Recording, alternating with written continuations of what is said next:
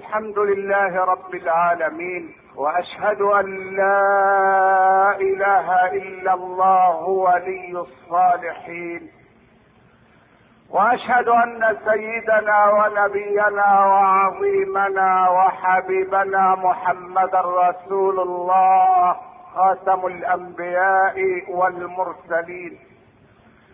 معشر الإخوة الأعزاء الآن انتقل بحضراتكم إلى أم المؤمنين حفصة رضي الله عنها لتخبرنا عن شيء من سنن الحبيب المصطفى.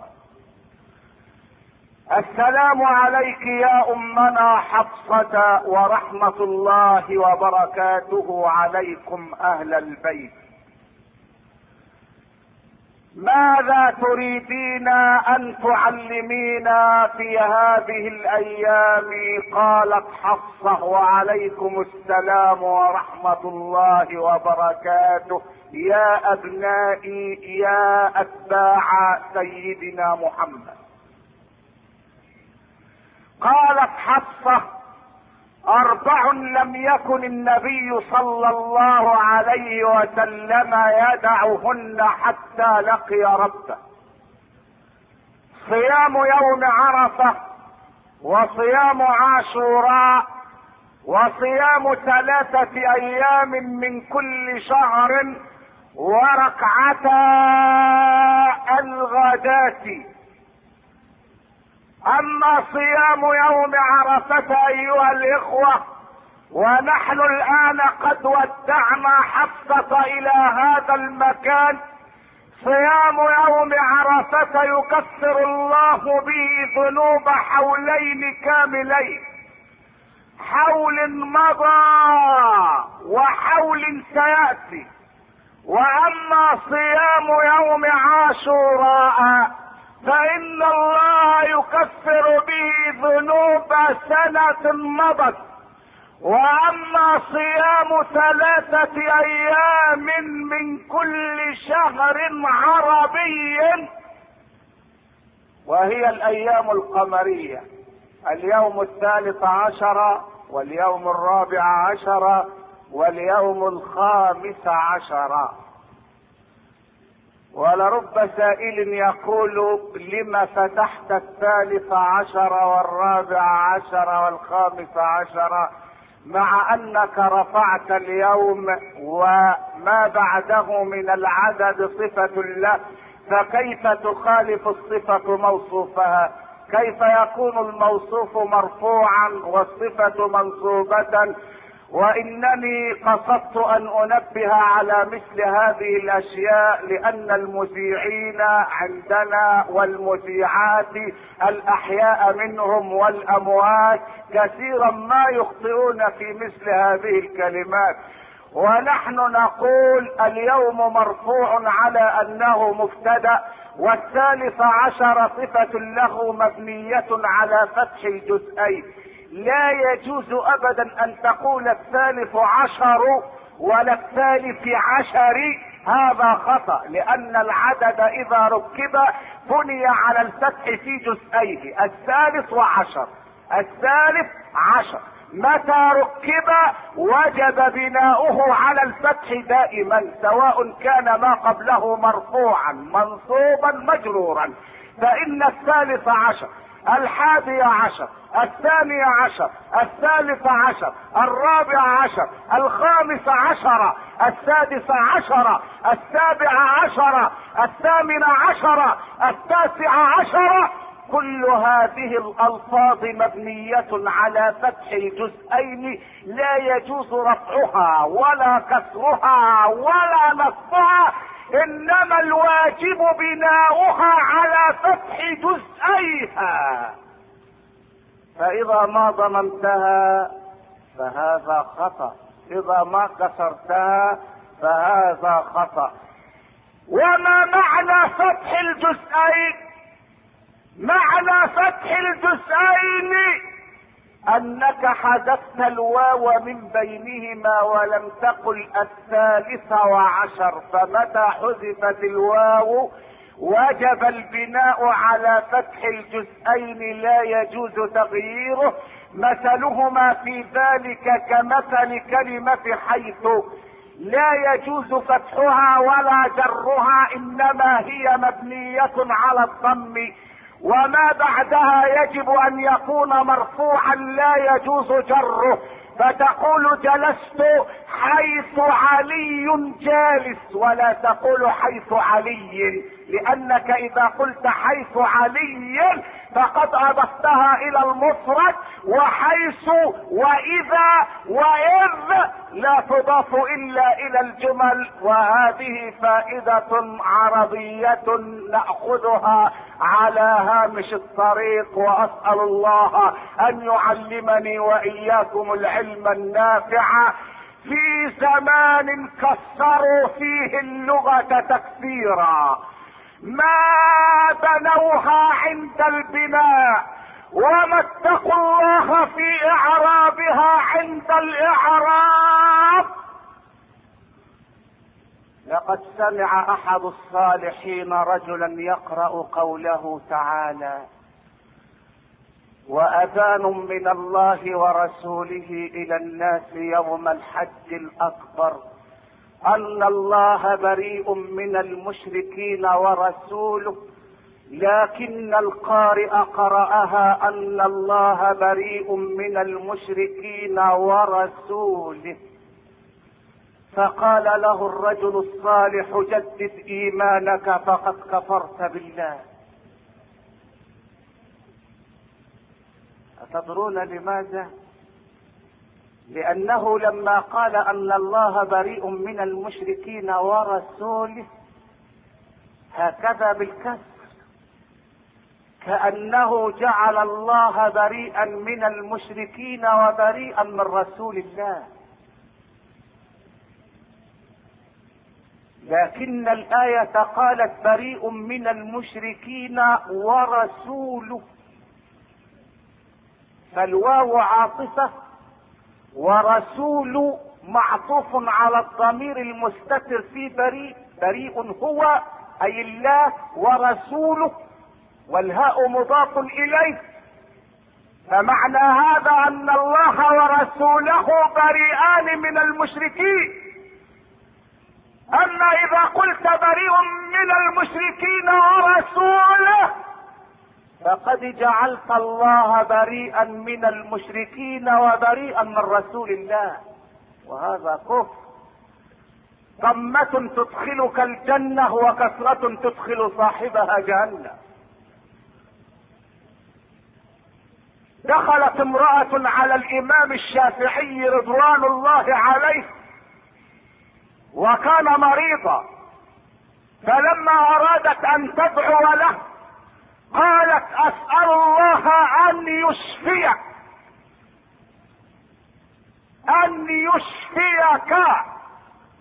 بضم الياء الأولى. يو يشفي فإذا بالإمام الشافعي يتوجه إلى الله ويقول اللهم بقلبها لا بلسانها. يعني لا تعاملها بلسانها إنما عاملها بقلبها. لماذا؟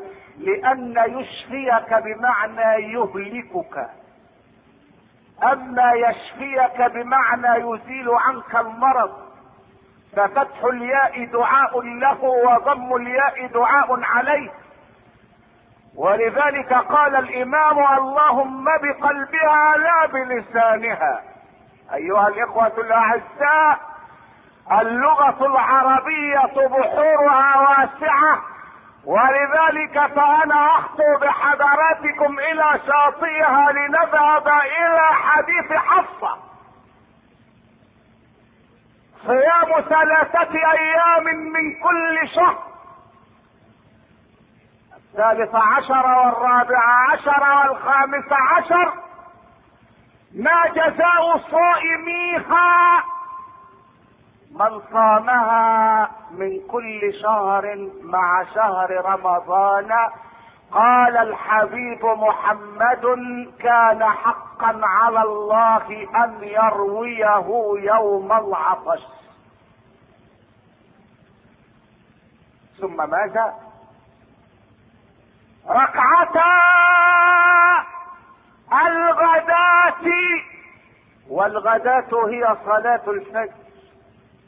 والركعتان اللتان حرص النبي عليهما هما ركعتا سنة الفجر التي تصليان بين الأذان والإقامة وقد قال الحبيب في شأنهما ركعة الفجر خير من الدنيا وما فيها.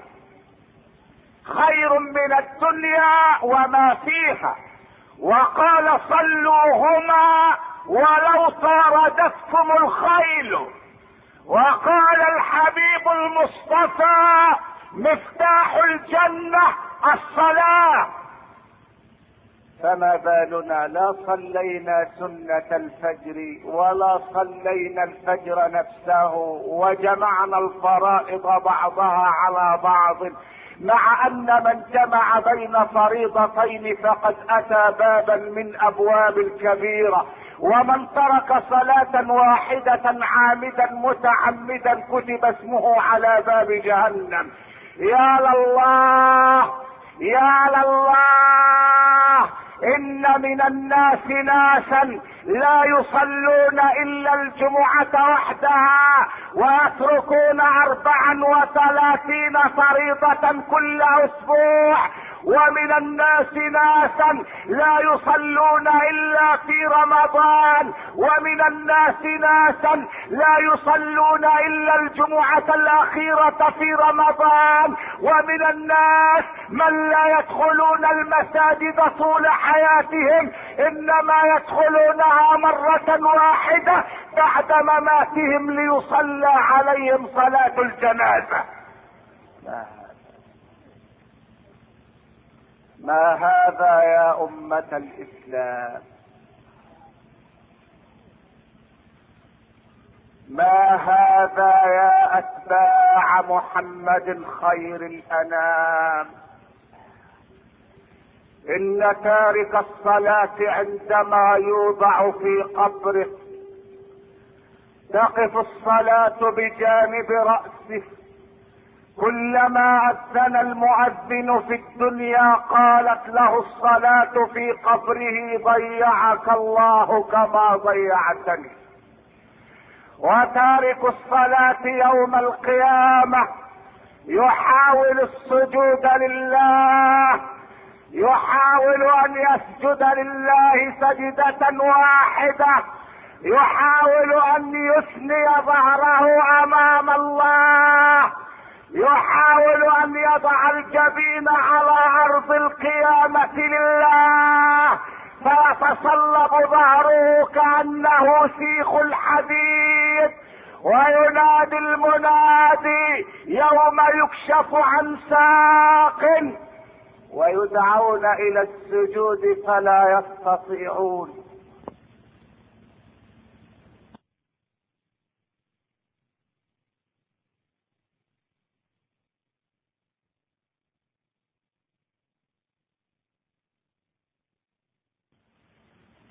حقهم ذلة.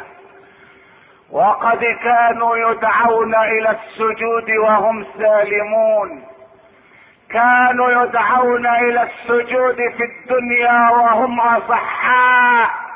وهم سالمون ولكنهم لم يرضوا أن يسجدوا لله سجدة.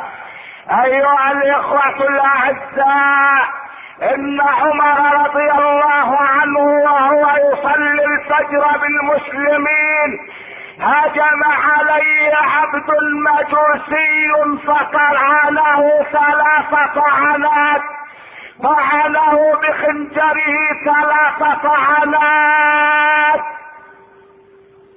وأغمي على عمر.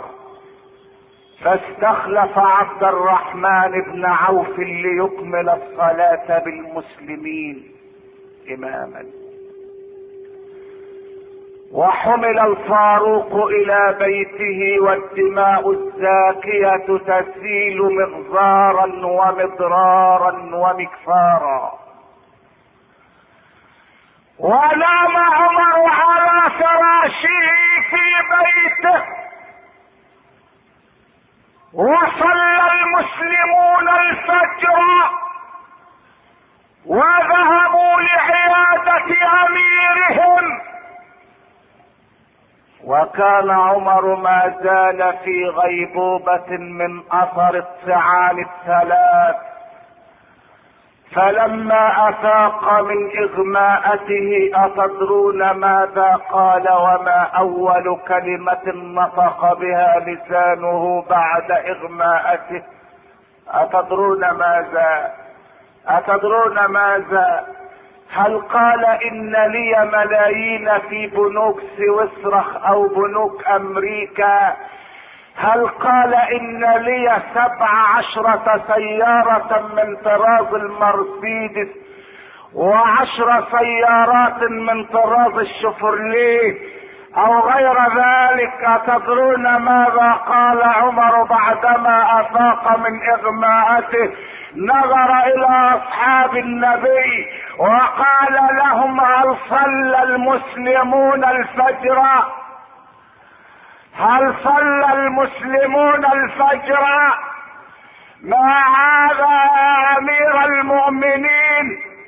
ما هذا يا ابن الخطاب؟ ما هذا يا زوج أم كلثوم بنت فاطمة بنت رسول الله؟ ما هذا يا أحد العشرة المبشرين بالجنة؟ ما هذا يا من قال فيك الحبيب محمد؟ لو عذبنا الله جميعا ما نجا منا إلا أنت يا عمر. ما هذا؟ أول سؤال. لم يقل استدعوا لي الطبيب بأقصى سرعة. إنما قال هل صلى المسلمون الفجر. وجد نفسه مسؤولا عن الصلاة حتى والدماء تنزف. وجد نفسه مسؤولا عن صلاة المسلمين حتى والجروح تدمي. وجد نفسه مسؤولا عن صلاة الفجر اماما حتى والموت يحلق ويرفرف بأجنحته على قلبه. ما هذا؟ أصلى المسلمون الفجر. تعال يا أمير المؤمنين. تعال لتعيش مع المسلمين. تعال. تعال. يا من كان آخر كلمة لك وأنت على فراش الموت كنت تقول ماذا تقول لربك غدا يا عمر؟ ماذا تقول لربك غدا يا عمر؟ أصلى المسلمون الفجر؟ قالوا له نعم يا أمير المؤمنين. قال عمر عملاق الإسلام فمن الذي قتلني؟ آه. من الذي قتلني؟ قالوا له عبد مجوسي يسمى أبا لؤلؤة. فماذا قال عمر؟ خر ساجدا لله وقال الحمد لله الذي جعل مصرعي على يد عبد كافر لم يسجد لله في حياته سجدة واحدة يحتج بها علي أمام الله. أمام الله. ونام الاسد واستدعى ابنه عبد الله. وقال له يا عبد الله اذهب إلى أم المؤمنين عائشة وقل لها عمر يستأذنك أن يدفن بجوار رسول الله. قل لها عمر ولا تقل لها أمير. فأنا الآن لست أمير المؤمنين. حساس حتى في استعمال الألفاظ. بلغت حساسيته شدتها حتى في استعمال الألفاظ. ما وضع لفظا في غير مكانه قل لها عمر ولا تقل لها أمير المؤمنين فلست الآن أمير المؤمنين. ويذهب عبد الله إلى أمنا عائشة ويستأذنها فتقول أم المؤمنين والله لقد كنت أريد أن أدفن أنا في هذا المكان بين زوج رسول الله وبين أبي أبي بكر. اما وقد طلب هذا المكان أمير المؤمنين فأنا اوثر أمير المؤمنين على نفسي. وذهب عبد الله إلى أبيه عمر واخبره خبرا فقال له عمر إذا أنا مت فلا تدفني حتى تستأذنها مرة أخرى بعد وفاتي. لأنها ربما رضيت في حياتي حياء ورجعت بعد وفاتي. ما هذا؟ من أجل عشرة أشبار في الأرض يا عمر. من أجل عشرة أشبار في الأرض كل هذا. تخاف الله حتى في مكان دفنك ما هذا؟ ما هذا؟ والله إنني أشعر بذهول وأنا أذكر سيرة هؤلاء الأمجاد الأبرار. الابرار الاطهار الانقياء الأصفياء الزاهدين الورعين النظفاء. النظفاء يكفي كلمة النظافة نظافة نظافة اليد ونظافة اللسان ونظافة العين ونظافة الأذن ونظافة البطن ونظافة القلب ونظافة اليدين. لا تدفني حتى تستأذنها مرة أخرى. ربما رضيت في حياتي حياء ورجعت بعد وفاتي. ما هذا؟ ما هذا؟ تعال يا أمير المؤمنين لترى القطاع العام وما يحدث فيه. تعال تعال لترى التأميم والمصادرات والحراسات وأكل أموال الناس بالباطل. تعال لتأكل تعال تعال لتجلس معنا وترى ماذا يفعل بمال اليتامى. تعال ثم ماذا قال له يا عبد الله إذا أنا مت فأغمض عيني. يا عبد الله يا عبد الله وأقصد في كفني. لا تسرفوا في الكفن. فإن يكن لي عند الله خير أبدلني خيرا منه سندسا واستبرقا. وإن يكن لي عند الله غير ذلك سلبه عني. يا عبد الله واسرعوا في السير بي. فإن يكن لي عند الله خير قدمتموني إليه وإن يكن لي عند الله غير ذلك فإنما هو شر تلقونه عن أكتافكم. يا عبد الله وأقصدوا في حفرتي أقصدوا في حفرتي. فإن يكن لي عند الله خير وسعها علي جنة عرضها السماوات والأرض.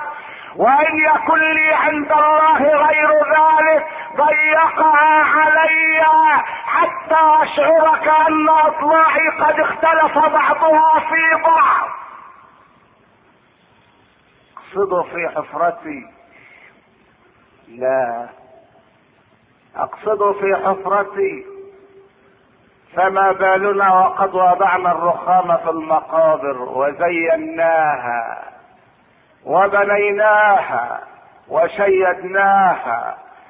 والرسول يقول لعن الله زائرات القبور والمتخذات عليها المساجد والسرج. القبور لا تزين ولا يرتفع بناؤها عن الأرض.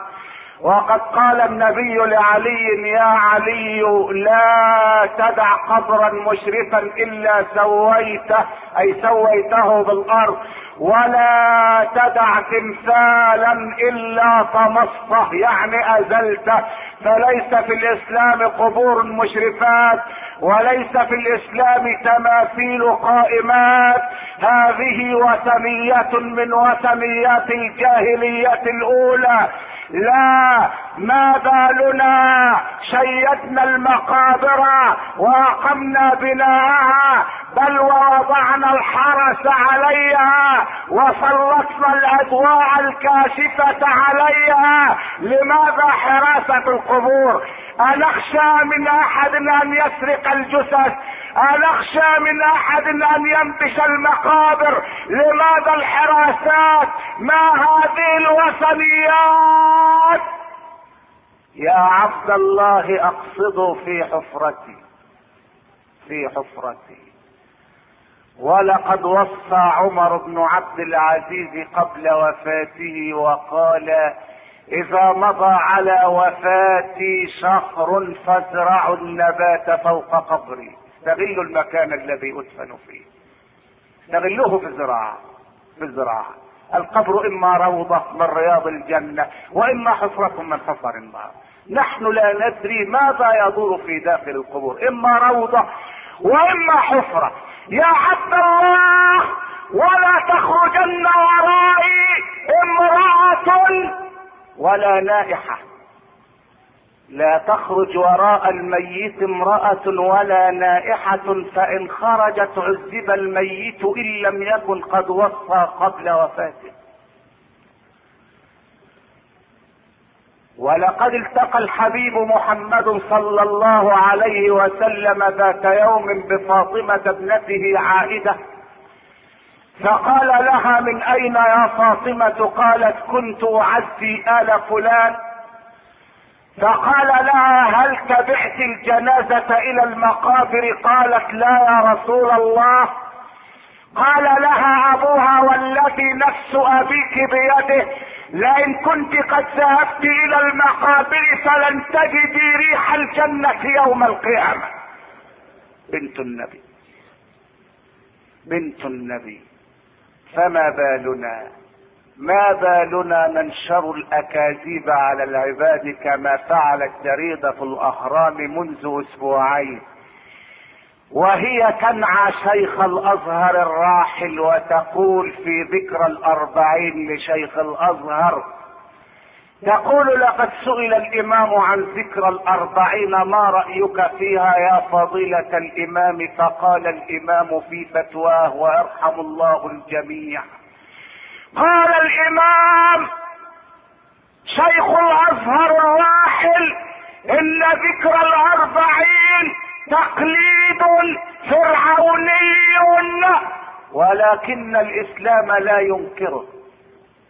وهذه الفتوى خاطئة خاطئة خاطئة. لماذا؟ لماذا؟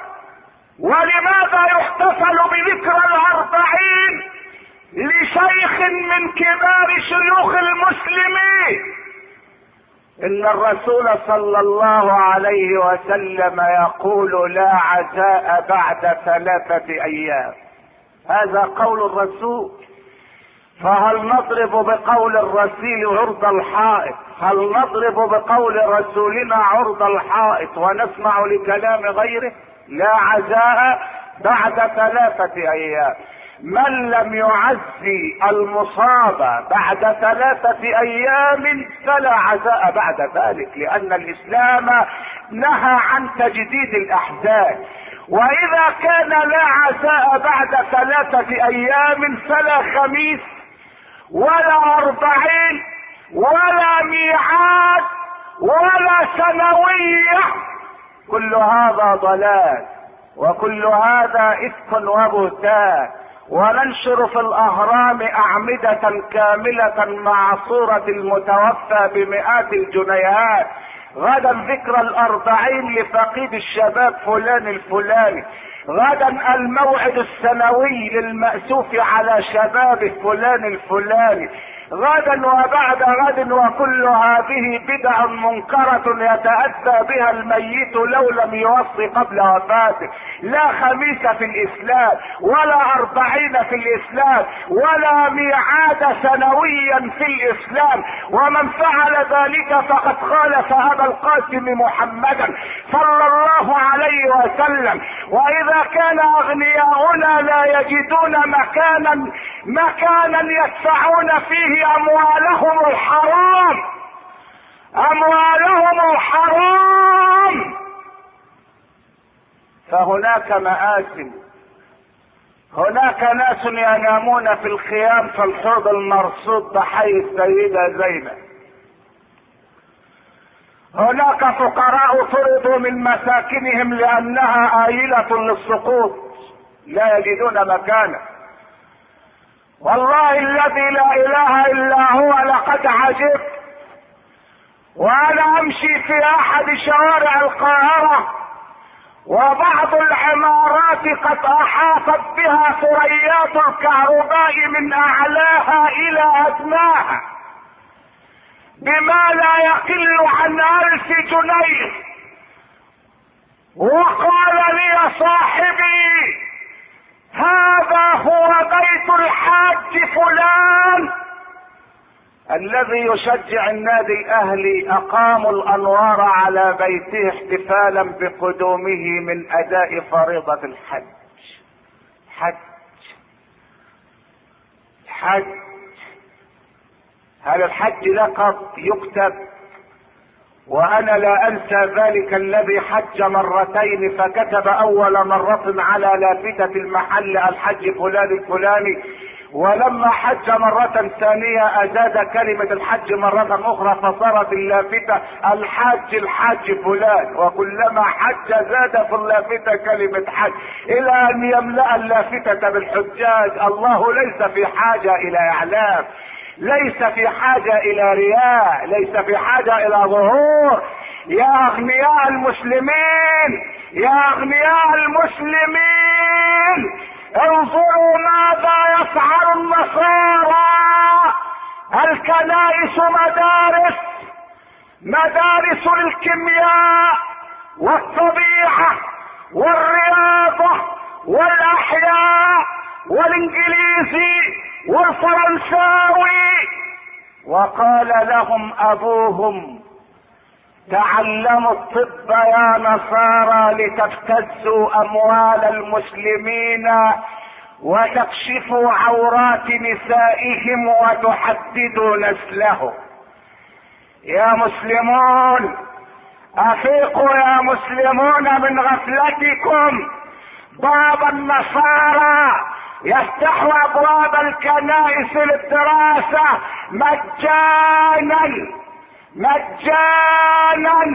يرحم الله الإمام الشهيد حسن البنا. كان يأتي بشباب المسلمين ويأتي بالمدرسين المسلمين ويأمر المدرسين.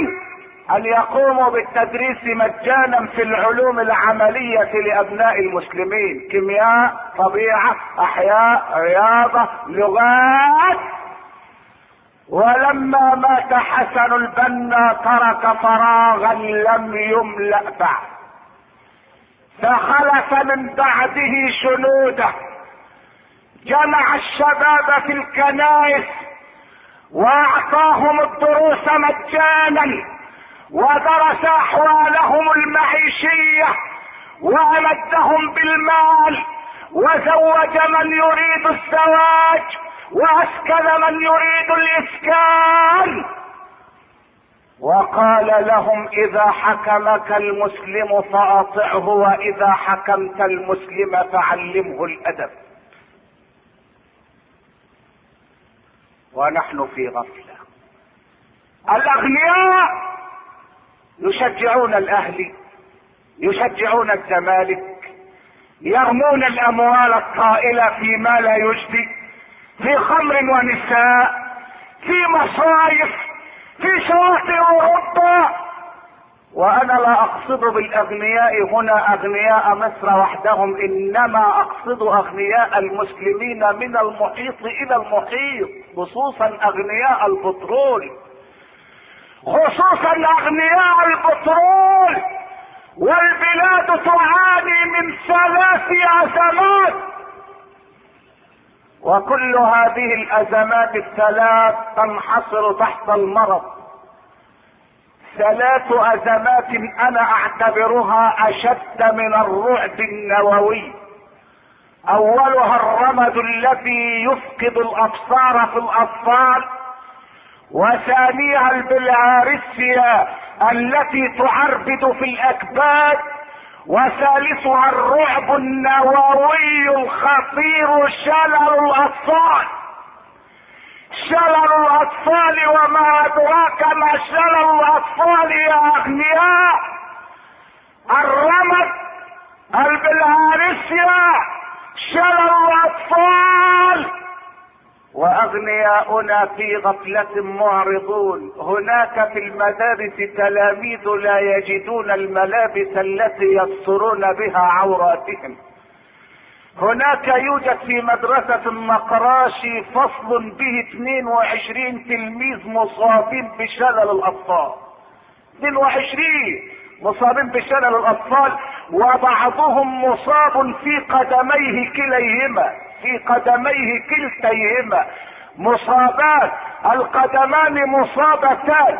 القدمان مصابتان بشلل الأطفال وإذا وجد عجلة يركبها لا يجد من يقود به العجلة. ألنا بعد ذلك شهوة نفتحها على المصايب على الأضواء الكاذبة على البهارج الخداعة. يا مسلمون! يا أغنياء اسمعوا إلى قوله تعالى والذين يكنزون الذهب والفضة ولا ينفقونها في سبيل الله فبشرهم بعذاب أليم. يوم يحمى عليها في نار جهنم فتكوى بها جباههم وجنوبهم وظهورهم. هذا ما كنستم لأنفسكم فذوقوا ما كنتم تكنزون ما هذا؟ ما الذي جعلنا نصير إلى هذه الحال؟ لماذا أخذنا الإسلام من الجانب النظري وأهملنا الجانب العملي؟ لماذا ملأت المتناقضات حياتنا؟ اسمع يا سيدي ماذا قالت صحفنا؟ قالت الصحف تم تحويل الراقصة سوسو مصطفى إلى نيابة الاداب لماذا؟ لأنها رقصت ببدلة غير محتشمة. رقصت ببدلة غير محتشمة. اسمع يا سيدي. اسمع إلى ما تقوله صحفنا. في جارب روسمان king size بديعة زاهية. زرع دخانها في أرض شاسعة تغازلها الشمس. تمت تعبئتها على أيدي خبراء عالميين. تمتع بنفسها ثم ماذا؟ كتب على العلبة بعد ذلك حافظ على صحتك من التدخين ما هذه المتناقضات؟ ذكرني هذا برجل يفتح خمارة في حي دير الملاك. أتدرون ماذا قال على باب الخمارة وماذا كتب؟ كتب على باب الخمارة رأس الحكمة مخافة الله. أليس هذا دجلا؟ أليس هذا دجلا وخداعا؟ خمار يخاف الله. سكير يخاف الله. ما هذا التهريج في بلادنا؟ ما هذه المتناقضات؟ راقصة تحول إلى نيابة الآداب. قلت سبحان الله بأي جناية بأي جريمة بأي جنحة بأي مخالفة فعلمت أنها رقصت في بدلة غير محتشمة. إذا ماذا تريدون أن ترقص أتلبس عمامة؟ أتلبس جبة؟ أتلبس كاكولة اتعيبون البدلة ولا تعيبون الراقصة؟ إنها متناقضات نعيشها. اغلقوا شارع الهرم. اغلقوا الخمارات. اغلقوا الخمارات. اغلقوا نوادي القمار. في مدرسة دمنهور تم إلقاء القبض على بعض الأطفال الذين لا يزيد سنهم على عشر سنوات. لماذا؟ يلعبون القمار في حوش المدرسة. عشر سنوات. عشر سنوات. أغلقوا القمار. أغلقوا الخمارات. أغلقوا هذه المآسي امنعوا سمير صبري من أن يعود إلى النادي الأهلي. سمير صبري الذي مثل فيلم الاحضان الدافئة. سمير صبري اسأل الله أن يأخذه أخذ عزيز مقتدر. امنعوا هذا. امنعوا هذا التهريج يوجد في القاهرة 1500 مدرسة في حاجة إلى ترميم يوشك أن يخر سقفها على أولادنا. 1500 مدرسة إلى للسقوط في القاهرة. منها مدرسة في حي القلل. مضى على بنائها أربع سنوات لا غير. أربع سنوات ومع ذلك وجدت الشروخ في جدرانها. قلت سبحان الله ليست الشروخ في الجدران إنما الشروخ في الضمائر في الضمائر السقيمة في ضمائر المقاولين. والمقاولون في مصر أول من تسعر بهم نار جهنم يوم القيامة إلا الصالحين وقليل ما هم. إلا الصالحين وقليل ما هم. جدران مدرسة بعد أربع سنوات يصاب بالشروخ. ما هذا؟ ليس النقص في الأسمنت إنما النقص في الإيمان بالله. ليس النقص في الحديد إنما النقص في الضمير ومراقبة الله. إن الحبيب عندما بنى لم يبني المصانع اولا. إنما بنى الإحسان أن تعبد الله كأنك تراه فإن لم تكن تراه فإنه يراك. فإنه يراك. هاتوا قسم المخالفات المالية في ديوان المحاسبة وهاتوا الرقابة الإدارية وهاتوا النيابات العسكرية وشكلوا كل يوم محكمة وشكلوا كل ساعه نيابه ما لم يكن هناك خوف من الله فلن ينفع هذا كله. لن ينفع هذا كله. وما زلنا نسخر برجال الدين. وما دمنا نسخر بهم فلن يقبل الله أعمالنا. هناك فيلم جديد اسمه يد الله. استهزأ فيه المخرج على الذين يلبسون العمائم. فأوجد أحد الممثلين قاتلا هو المستر سعيد صالح. حرم الله البلاد والعباد منه.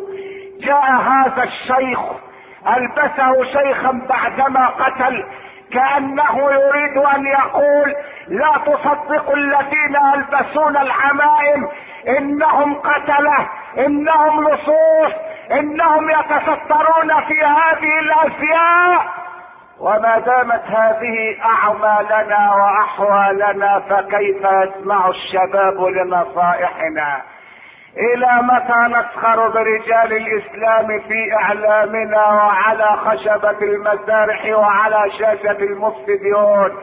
إلى متى نهزأ بهم وكان الأولى أن نكرم رجال الإسلام؟ كان الأولى أن نعلم الناس احترام علماء الإسلام ليستفيدوا من نصائحهم. والله الذي رفع السماء بلا عمد التقيت مع بعض الأئمة مع أحد الإخوة أئمة المساجد وشكى إلي شكوى. ما زلت أشعر بالخفقان في قلبي عندما ذكرتها. إنه ذو ذراع واحدة قطعت يمينه قطعت ذراعه اليمنى. ويسكن بعيدا عن مسجده ولكي يصل إلى المسجد كل يوم. لا بد أن يتعلق في حديد الأتوبيس بذراع واحدة ولا رحمة ولا عطف. وأنا أقول لوزير الأوقاف من هذا المكان أولى الناس بالتكريم هم أئمة المساجد ابنوا مساكنهم على أرض الأوقاف. أنا لا أقول لكم خذوا القدوة من المسلمين لا. إنني أعلم علم اليقين أن لكل قسيس شقة فوق كنيسة وقد حدث ذات يوم أن جاء الأطفال في يوم الأحد مبكرين وأنا أسكن بجانب كنيسة. فأراد خادم الكنيسة أن يطردهم بحجة أن البابا لم ينزل ولم يستيقظ من نومه وبينما هو يحاول طرد الأطفال إذ نظر إليه القسيس من شقته فوق الكنيسة وقال له يا جرجس أدخل الأطفال وأحضر لهم علبة الشوكولاتة حتى أنزل. ولا تترك الأئمة الآن لا يجدون مسكنا بجانب المسجد. والله اشتد أسفي وأنا أسمع لإمام يقسم لي بالله أنه يسكن في حجرة شرك مع بعض الناس. ويقول يحز في نفسي أن تقف زوجتي على الحوض لتغسل الأشياء ويدخل بعض الشباب بجانبها ويحتك بها. هذا والعياذ بالله لا يليق بكرامة أئمة المساجد. ابنوا لهم مساكنهم بجوار مساجدهم ليتمكنوا من أداء الصلوات في أوقاتها مع المسلمين. إن مما يؤسف أن الملك فاروق أقسم بالله. لو علم الملك فاروق أن مساكن الاوقاف سيسكنها النصارى ما بناها؟ ما بناها. تلتينهم من النصارى وأئمة المساجد لا يجدون مسكنا بجوار المساجد. لا يجدون مسكنا. فإذا لم تبنوا لهم مساكن بجوار المساجد فأحضروا لهم سيارات تجمعهم كما تفعل شركة بيسكو مصر هيئة التصنيع العربي مصالح حلوان. أحضروا لهم سيارات ارحموهم من التعلق في الأتوبيسات بعمائمهم وكواكيلهم. ارحموهم احترموهم يا وزارة الأوقاف. وزارة الأوقاف أغنى وزارة في العالم. بل ان الحكومة استدادت من وزارة الأوقاف سبعين مليونا حكومة مدينة لوزارة الأوقاف بسبعين مليون. والله سمعت هذا النبأ من الوزير السابق بأذني رأسي. سمعته بأذني رأسي من وزير الأوقاف السابق عندما ضمني به لقاء. حكومة مدينة لوزارة الأوقاف بسبعين مليون. ابنوا مساكن للأئمة بجوار مساجدهم فوق المساجد بجانب المساجد. إن لم تفعلوا فاحضروا لهم سيارات توصلهم إلى المساجد خصوصا أن ثلاثة أرباع الأئمة من اكتاء البصر. ارحموا ارحموا من في الأرض يرحمكم من في السماء. لا تهزأوا برجال الإسلام. فيلم يد الله يجب أن يوضح تحت الرقابة إن صورة الشيخ التي ظهرت فيه سموه الشيخ جدعنة الشيخ جدعنة هل يجرؤ أحدهم أن يقول القسيس جدعنة لا يستطيع. تقوم الدنيا. إن شدود لم يتحمل محكمة تصدر حكمها لأحد النصارى بأن يتزوج على زوجته. اعتزل في واد النصرون وأعلن الإضراب عن الطعام وذهب إليه الكبراء يرضونه بباقات الورد فلم يرضى إلا بعدما غير القاضي الحكم ورجع عما حكى. أين عزة الإسلام؟ أين كرامة الإسلام؟ أين الحرص على الإسلام؟ أين الدفاع عن الإسلام؟ أين الثقة في الله؟ أين مخافة الله؟ أيها الإخوة الأعزاء قبل أن أفارق مقامي هذا صوموا يوم عاشوراء. وصيام يوم عاشوراء على ثلاثة أقسام. القسم الأول درجة أولى ممتاز صوم التاسعة والعاشرة والحادية عشرة. ولرب قائل يقول ما الداعي للحادي عشرة؟ أقول له لأنك تحاول أن تخالف بذلك اليهود والنصارى فصم يوما قبل العاشر ويوما بعد العاشر لتشتد المخالفة بيننا وبينهم لاستقلال شخصيتنا. درجة ثانية ثم التاسع والعاشر. درجة ثالثة ثم العاشرة واحدة يكفر الله لك به ذنوب سنة مضت أيها السادة الأعزاء أتوجه إلى مولاي تبارك وتعالى في عليائه وأقول له يا رب لا أسألك نفسي ولا أسألك ولدي إنما أسألك يا رب أن تفرج الكرب عن المكروبين اللهم اد الدين عن المدينين. اللهم استع على عبادك المخلصين. اللهم اشف مرضى المسلمين. اللهم استر عوراتنا. اللهم استر عوراتنا. اللهم آمن روعاتنا. اللهم اشف مرضانا اللهم ارحم موتانا اللهم انزل السكينة في قلوبنا اللهم انزع الرعب من أفئدتنا اللهم ثبت على الإيمان أقدامنا اللهم اجعل خير أعمالنا خاتمة وخير أيامنا يوم لقائك أيها السادة الأعزاء أكثروا من الصلاة والسلام على سيدي وحبيبي ونور قلبي محمد طب القلوب ودوائها. وعافية الأبدان وشفائها ونور الأبصار وضيائها. إن الله يأمر بالعدل والإحسان وإيتاء ذي القربى وينهى عن الفحشاء والمنكر والبغي يعظكم لعلكم تذكرون. قوموا إلى صلاتكم يرحمكم الله.